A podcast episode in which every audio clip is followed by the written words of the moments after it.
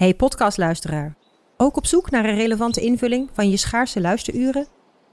Tune dan in op de podcastserie ESG, even samengevat van BNP Paribas. Wij, Marloes en Aldert, spreken daar duurzame voorlopers en wereldverbeteraars. Waarover dan? Nou, bijvoorbeeld of we ooit duurzaam kunnen gaan vliegen. En waarom koeien in de stad nou een goed idee is? Dat en meer elke twee weken in een nieuwe aflevering. Dus abonneer je. ESG, even samengevat. Ik ben al jaren ondernemer, maar waar moet ik eigenlijk allemaal aan denken nu ik voor het eerst personeel wil aannemen, voor het eerst ga importeren of voor het eerst een bedrijfslocatie zoek? Weet wat je wel of niet moet doen bij zaken die je voor het eerst oppakt. Check kvk.nl voor praktische stappenplannen. KVK, hou vast voor ondernemers.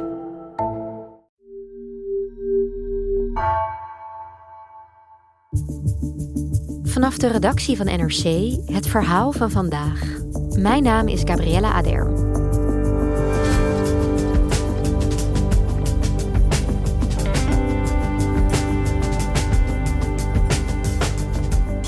Komende zondag gaat een tweede stemronde in Turkije uitwijzen wie de president wordt. Zal president Erdogan opnieuw worden verkozen? Of zal oppositieleider Kılıçdaroğlu hem verslaan? Correspondent Melvin Ingleby zit in Istanbul. Hij ziet hoe Kılıçdaroğlu zijn campagne wanhopig omgooit van liefdesretoriek naar angstpolitiek.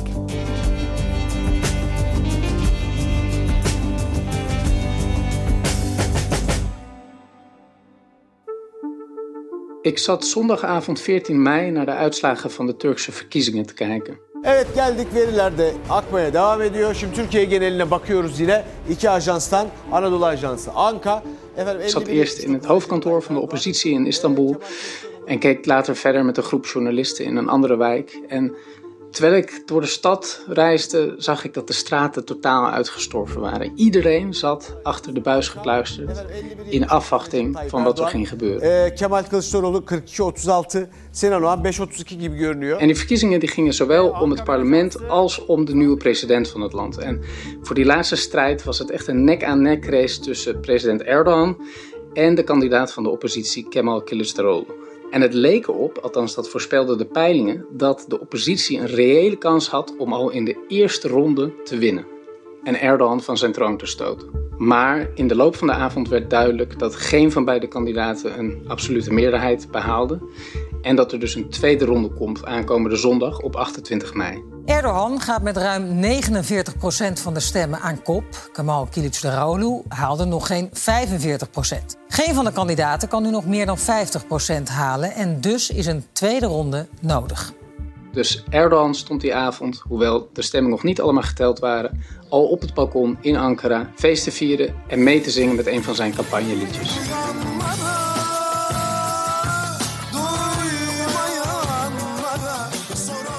En ondertussen bleef het aan de oppositiezijde lange tijd stil.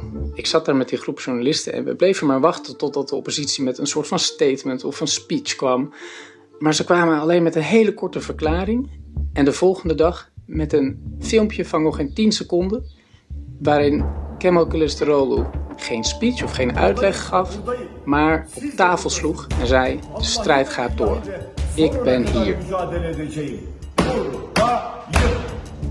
En op dat moment, toen je Kılıçdaroğlu zo op tafel zag meppen, had je door de toon van deze tweede ronde gaat heel erg anders worden.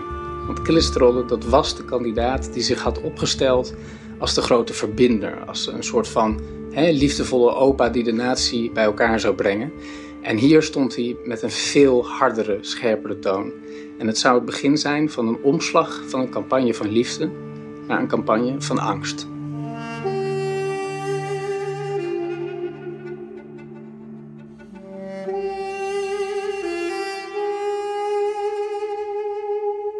Melvin, jij zit nu in Istanbul en je hebt het erover dat de toon is veranderd van liefde naar angst. Maar wat bedoel je daar precies mee? Nou, om dat te begrijpen moeten we denk ik eerst even naar de uitslag kijken. Kijk, Erdogan die heeft het slechter gedaan dan tijdens de presidentsverkiezingen van 2018. Er zijn breuken in de achterban, maar niet heel groot. Uh, hij heeft het minder slecht gedaan dan vooraf voorspeld werd. Met name in het aardbevingsgebied is hij er toch in geslaagd om een groot deel van zijn steun te behouden. En we zien dat de mensen die niet op hem gestemd hebben en dat eerder wel deden, eerder naar extreem rechts zijn gegaan dan naar het oppositieblok. En ook in het parlement heeft Erdogan een meerderheid behouden. Mede dankzij zijn nationalistische coalitiepartner, de MHP, die heeft het uh, boven verwachting goed gedaan. En in het parlement bestaat nu eigenlijk uh, een kwart uh, van de zetels uit zeer nationalistische rechtse partijen. Dus het is een heel erg conservatief rechtsparlement geworden. En tegenover Erdogan stond dus Kılıçdaroğlu. Hij is de leider van de CHP. Dat is van oudsher een strikt seculiere partij. Maar Kılıçdaroğlu heeft die partij proberen om te vormen tot een meer inclusieve sociaal-democratische partij en heeft ook allerlei verbondjes gesmeden met andere partijen. Waaronder ook meer conservatieve islamitische partijen, partijen die geleid worden door mensen die zijn overgelopen van Erdogans AK-partij naar de oppositie.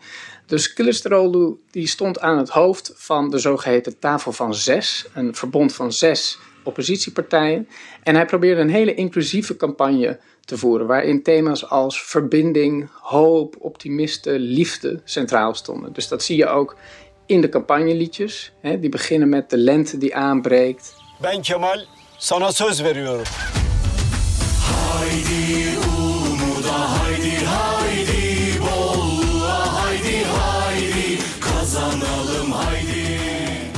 Met een moeder die tegen haar dochter zegt: de hoop zal niet uitsterven. Je zag het in het gebaar wat de oppositie tijdens rallies gebruikte. Ze maakten een hartjesvorm met hun handen. Dat werd eigenlijk een beetje het logo van de oppositie. Het draaide allemaal om wat wel als radical love is omschreven. Dus het liefhebben van je tegenstander in een poging om zo door te breken tot de achterban van Erdogan. Alleen hoewel de oppositie het beter heeft gedaan dan in vorige verkiezingen, is het niet gelukt om voldoende tot die achterban door te breken om inderdaad Erdogan ook te verslaan. Ja, want van tevoren las je zoveel in de kranten ook over dat hè, dit hartjesbeeld, deze liefdescampagne, dat dat heel goed werkte. Maar uiteindelijk bleek het dus niet zo te zijn. Hè? Hoe komt dat? Nou, ik denk niet dat die strategie niet werkt. Uh, we hebben ook tijdens de gemeenteverkiezingen van 2019 gezien dat die strategie werkte. Dat was uh, dezelfde uh, boodschap destijds. En toen won de oppositie grote steden als Ankara en Istanbul. Ik denk dat het probleem niet zozeer in de boodschap zit, maar in de boodschapper.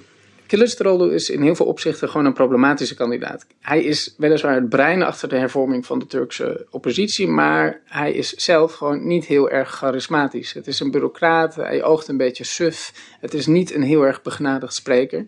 En hij heeft al heel veel verkiezingen verloren. Het is niet een kandidaat die heel erg de nieuwsgierigheid van kiezers wekt of waarvan uh, mensen in Erdogans achterban denken, ah, dat is een nieuw gezicht, uh, dat ga ik eens proberen.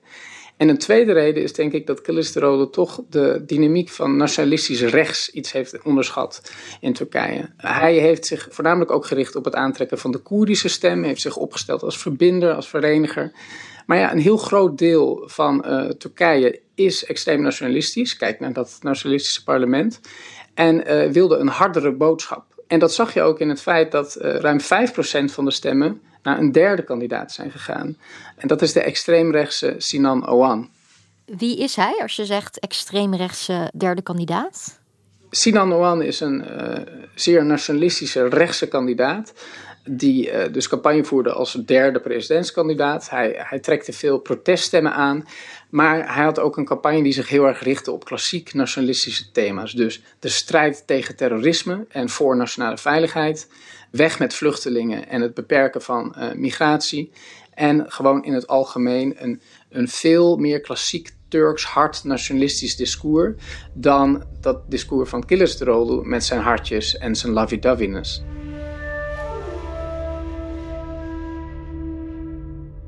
Dus toen we de vorige verkiezingsavond zagen dat Sinan Oğan 5% van de stemmen kreeg en Kılıçdaroğlu bleef haken op 45 en dus heel veel van zijn stemmen nodig gaat hebben, ja, toen wisten we eigenlijk meteen al, reken maar dat Kılıçdaroğlu gaat proberen om die harde nationalistische stem aan te trekken. En dat het dus gedaan is met de tijd van liefde, verbinding en hartjes maken. En dat er nu een heel andere Kılıçdaroğlu naar voren komt.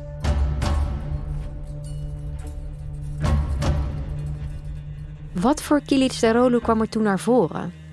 Nou, we zagen dat Kılıçdaroğlu na dus die initiële stilte en alleen dat filmpje van op tafel slaan, dat hij ineens met een totaal nieuwe boodschap kwam. Erdoğan sen değil misin terör örgütleriyle defalarca masaya oturan? Senin ne haddine bizim vatan En je hoort het aan zijn stem ook. Senin ne haddine bize kara çalma? Hij zit te schreeuwen. Hij is feller. Hij valt Erdogan direct aan. Hij zegt: Erdogan, ben jij niet degene die dit land heeft overgedragen aan maffiabaronnen, die ons verarmd heeft? Erdoğan sen bu ülkeyi uyuşturucu baronlarına teslim ettin. Memleket mafya babalarının barınağına döndü. En hij roept aan het einde van dat filmpje eh, alle Turken op die van hun vaderland houden om verantwoordelijkheid te nemen en te gaan stemmen. milletim ayağa kalksın. Vatanını seven bizimle omuz omuza versin. Vatanını seven. En de slogan van de oppositie is dit keer Türkiye için karar ver. Voor Turkije neem een beslissing. Dus de oppositie probeert heel erg nu het electoraat aan te spreken op hun verantwoordelijkheid om echt een soort existentiële keuze te maken tussen Erdogan en de oppositie. En daarbij speelt het heel erg in op het thema van angst. De oppositie probeert de kiezers een schrikbeeld voor te houden van wat hen te wachten staat als Erdogan aan de macht blijft. Dus ze zeggen: als Erdogan komt, dan zal de inflatie door het dak blijven gaan. Als Erdogan komt, zal de armoede toenemen. Als Erdogan komt, zullen miljoenen vluchtelingen ons land blijven overspoelen. En met name dat laatste thema, dat thema van de vluchtelingen, is echt het centrale thema geworden waarmee de oppositie de kiezer angst probeert aan te jagen. Het was meteen het onderwerp waar Kılıçdaroğlu in zijn speech over begon. En daarin gebruikte hij ook wel hele extreme taal. Her akın akın damarlarımıza sızan bu başıbozuk insan selini seyreden yarın bir gün Hij had het over een ongecontroleerde golf aan mensen die onze aderen infiltreert. 10 milyondan 30 milyona çıkıp Hij sprak van 10 miljoen vluchtelingen en hij zei: Dit kunnen er zo 30 miljoen worden en ze kunnen het bestaan van het vaderland bedreigen. Zo, dat is nogal wat. Dat, dat klinkt heel heftig. Hoe zit het dan nu met die situatie rondom de vluchtelingen in Turkije? Ja, Turkije vangt ook het grootste aantal vluchtelingen ter wereld op. En dan gaat het niet alleen eh, over Syriërs, eh, volgens de VN ruim 3,5 miljoen Syriërs, maar ook over Iraniërs, eh, Afghanen, Pakistanen, mensen uit Afrika. En Europa die heeft natuurlijk een deal gesloten met Turkije eh, om de grenzen dicht te houden.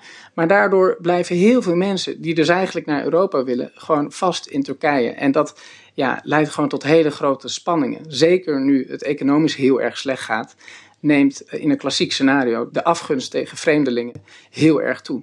Ja, merk jij dat zelf ook? Want jij woont in Istanbul. Ja, zeker. Overal op straat hangen nu uithangborden met dat eh, alle Syriërs naar huis moeten.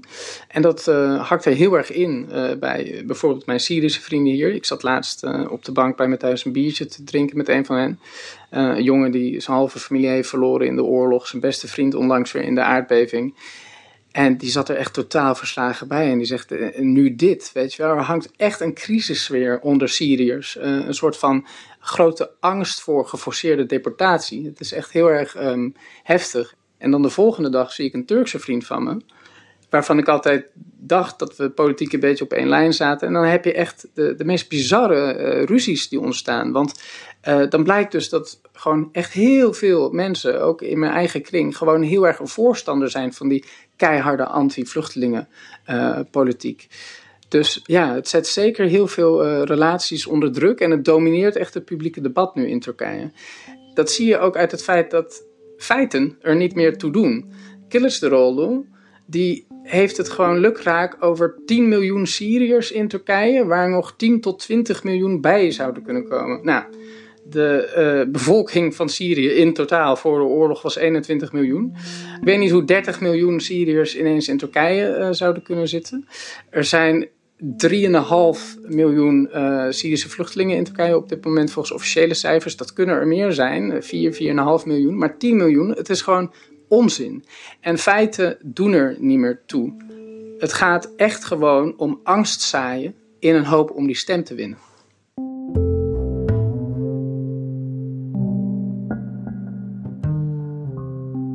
Maar hoe was dat dan uh, voor die eerste verkiezingsronde? Wat zei hij toen over de vluchtelingen? Nou, toen uh, voerde hij ook al een anti-vluchtelingen discours. En zei hij ook al dat Syriërs uh, terug moeten. Maar nu om die extreemrechtse kiezers te verleiden, neemt hij eigenlijk de beloftes van die extreemrechtse politici over. Dus heeft hij het ineens over 13 miljoen vluchtelingen en zegt hij dat ze binnen een jaar allemaal het land uitgaan. President's rival vowed to send all migrants and refugees back to their home countries. I announce it to you here. I will send all the refugees home as soon as I come to power. Period.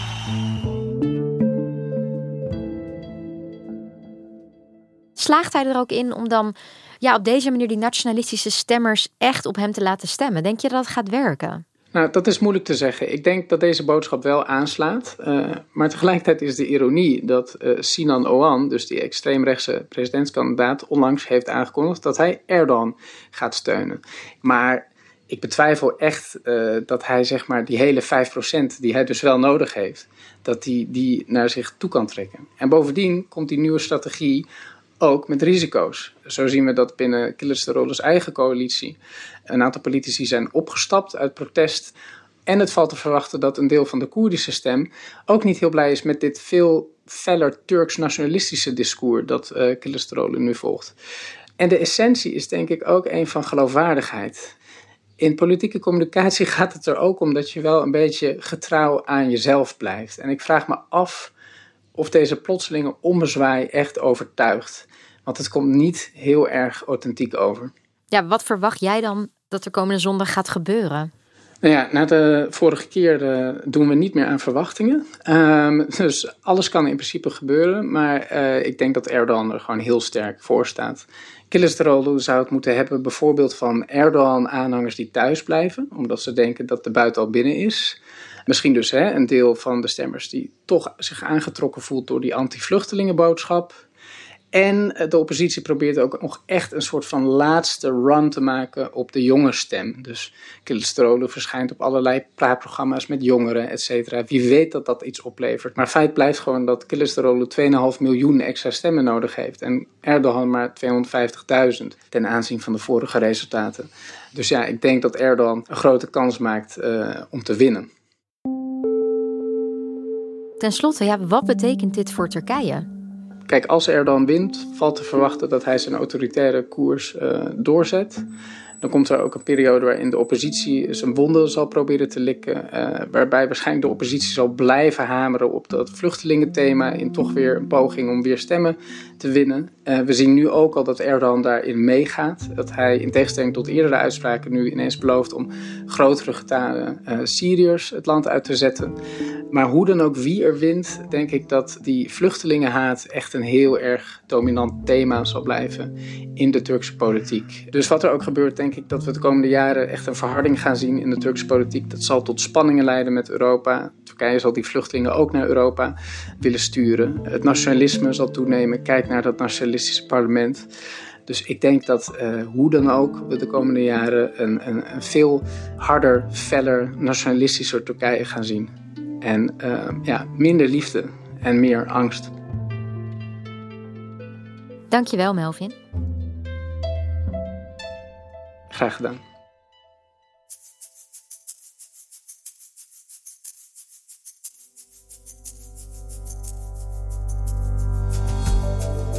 Je luisterde naar vandaag, een podcast van NRC. Eén verhaal, elke dag. Deze aflevering werd gemaakt door Nina van Hattem en JP Geersing. Coördinatie door Henk Ruigrok van de Werven. Dit was vandaag, maandag weer.